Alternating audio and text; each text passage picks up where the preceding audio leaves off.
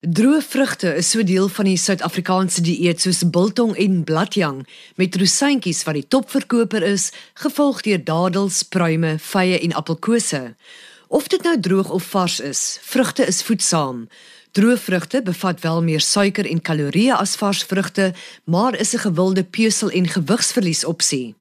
Ons gesels vandag oor die uitwerking van klimaatsverandering op die bedryf en die man agter die mikrofoon is een vir wie jy min van droë vrugte kan vertel, die algemene bestuurder van droë vrugte tegniese dienste, Dappie Smit.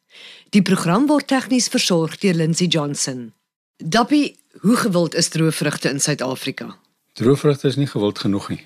Die waarde daarvan word nie werklik besef nie en ek dink veral in hierdie gejaagde lewe behoort mense meer droë vrugte te eet. En wat is die waarde daarvan? Voedingswaarde. Mense kyk vas teen suikers, maar die intrinsieke suikers van droë vrugte is nie ongesond nie. Dis die toegevoegde suikers wat in lekkers en verglanste vrugte is wat meer nadelig is.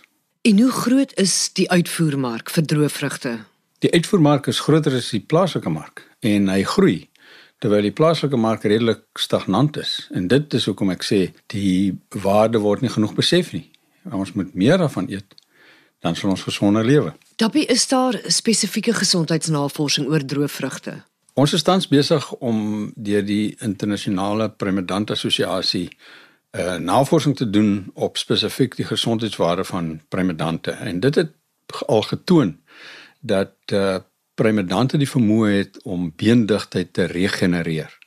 En dit is iets baie positief vir vir al ou mense want alle ou mense se bene raak swakker en dan breek hulle. So as jy jou bene kan versterk in 'n vroeë stadium van jou lewe, dan kan jy hierdie probleem uitstel of dalk afstel. En gaan ons meer daarvan kan eet in die lig van klimaatsverandering? Wel, ons moet aanpassings maak om by klimaatsverandering verby te kom want dit het 'n invloed Dit het in sekere gevalle 'n negatiewe invloed, maar dit kan bestuur word. As jy sê in sekere gevalle, wat bedoel jy? Byvoorbeeld uh reënpatrone verskuif. Gebiede wat uh tradisioneel groot droëvrugte produseerende gebiede was, soos die Oranje riviergebied, kry meer gereeld vroeë reën. Gevolglik sal ons moet aanpas deur byvoorbeeld uh ander kultivars te plant wat vroeër ryp word sodat ons uit die groot risiko reënperiode te kom. Dappie sien julle reeds dat klimaatsveranderinge uitwerking op die droëvrugtebedryf het. Ons sien nie noodwendig 'n effek op die droëvrugtebedryf nie. Maar dat dit 'n effek het, is verseker en veral op die vrugtebedryf. Die droëvrugtebedryf kan nie losgemaak word van die geheel vrugtebedryf nie. So iets wat 'n effek het op die produksie van vrugte sal noodwendig op droë vrugte ook 'n effek hê. Word dieselfde vrugte gebruik vir die mark en vir die winkelrakke as wat daar vir droë vrugte gebruik word of is dit 'n swakker wil ek amper sê kwaliteit vrug wat gebruik word? Daar word nie in alle gevalle dieselfde vrug gebruik nie. Daar word ander kultivars gebruik. Maar jy moet nooit sê swakker vrugte nie, want jy kan nie van 'n swak vars vrug 'n goeie gehalte droë vrug maak nie.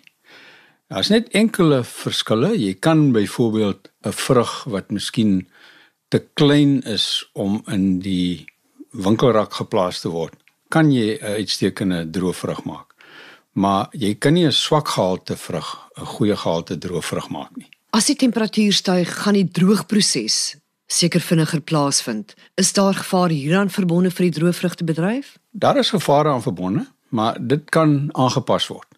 Byvoorbeeld dit is nie 'n geval dat hoe warmer dit is, hoe beter is dit om vrugte te droog nie, want as dit te warm raak, dan kan vrugte brand of hy kan hard word. Hy hy droog te vinnig, met ander woorde hy is buite droog, maar hy's binne nie noodwendig droog nie. En dit kan aanleiding gee tot bederf. As vrugte te vinnig droog of te warm word, dan kan jy ook wansmake kry. Die die suikers karamelliseer en jy kry afwykende smake in die vrugte. En daarom word vrugte in baie warm dae word dit nie so lank buite gelaat nie en dan word dit toegemaak sodat dit stadiger in die skade weer droog. Lugbeweging het ook 'n baie positiewe effek by die droog van vrugte. So vrugte moet nie te vinnig droog nie. Jy het net nou gepraat van die goeie suikers in droë vrugte. Wat van vitamiene? Gaan vitamiene nie verlore in hierdie uitdroogproses nie? Dit gaan nie noodwendig verlore nie Maar dit kan verlore raak veral as vrugte te warm word. En dit is ook uh, wat ek bedoel het my as dit net warm is, dan kan jy mos nou maar vrugte in 'n oond sit en dit droog. En dit is nie wat jy wil doen nie. Jy wil dit eintlik stadiger, egaliger laat droog word oor 'n bietjie langer periode. So dit gaan nie oor hoe gou jy dit droog maak nie. Dappie jy sê nuwe kultivars is een manier om aan te pas by klimaatsverandering. Watse ander alternatiewe is daar om as steenvoeter te dien? Wel jy kan natuurlik skuif na ander streke toe want klimaatsverandering het verskillende effekte op verskillende streke. Party streke wat miskien in die verlede nie geskik was vir droog nie, kan dalk hierdeur geskik word. So 'n mens kan byvoorbeeld vrugte in een streek produseer en in 'n ander streek gaan droog. Dit is ook moontlik. So 'n mens moet aanpas en jy moet tydig aanpas want vrugte moet geplant word. En dit vat 'n tydjie voordat dit in drag kom.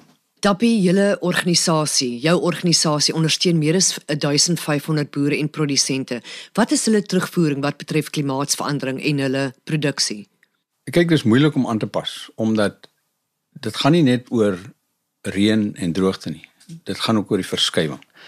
Dit het byvoorbeeld in 2018 was die winter redelik warm en laat en ons het nog laat koue gekry. En as jy laat koue kry, dan werk die bye nie so lekker nie.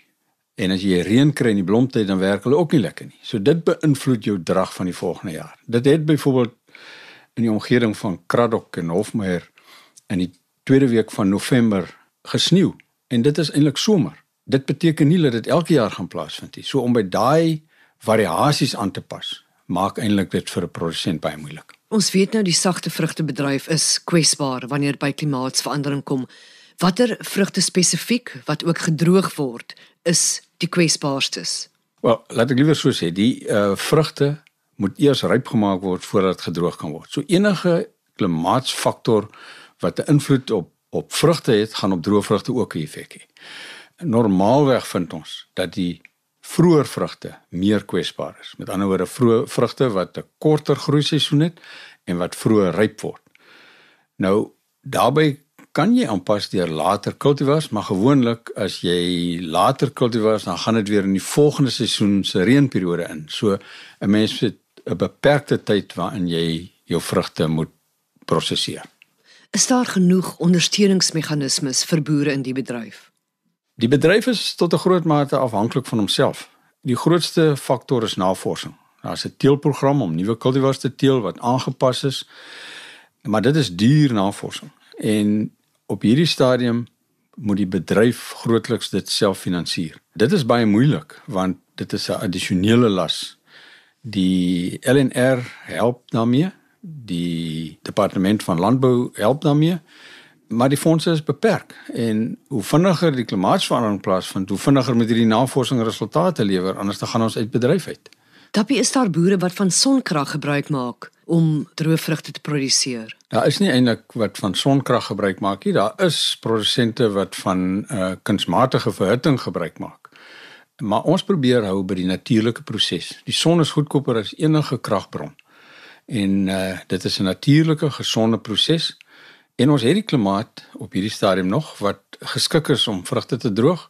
Ons moet daarvan gebruik maak. Droëvrugteproduksie is arbeidsintensief. Gaan boere kop bo water kan nou as klimaatsverandering sy tol eis en werkverliese plaasvind. Jy sê wel jy is nie nou so bekommerd nie, maar wat van die langtermyn? Nee, oor die langtermyn sal aanpassings wat arbeid betref ook gemaak moet word. En dit gebeur reeds deurdat mekanisasie plaasvind mekanisering van die hantering van vrugte en daar is eintlik al produsente wat op 'n redelike groot skaal rosyne meganies oes en droog. So hulle droog hom aan die stok en dan oes hulle hom wanneer hy klaar droog is en dan beskadig dit nie vrugte nie. Dis 'n baie skoon proses.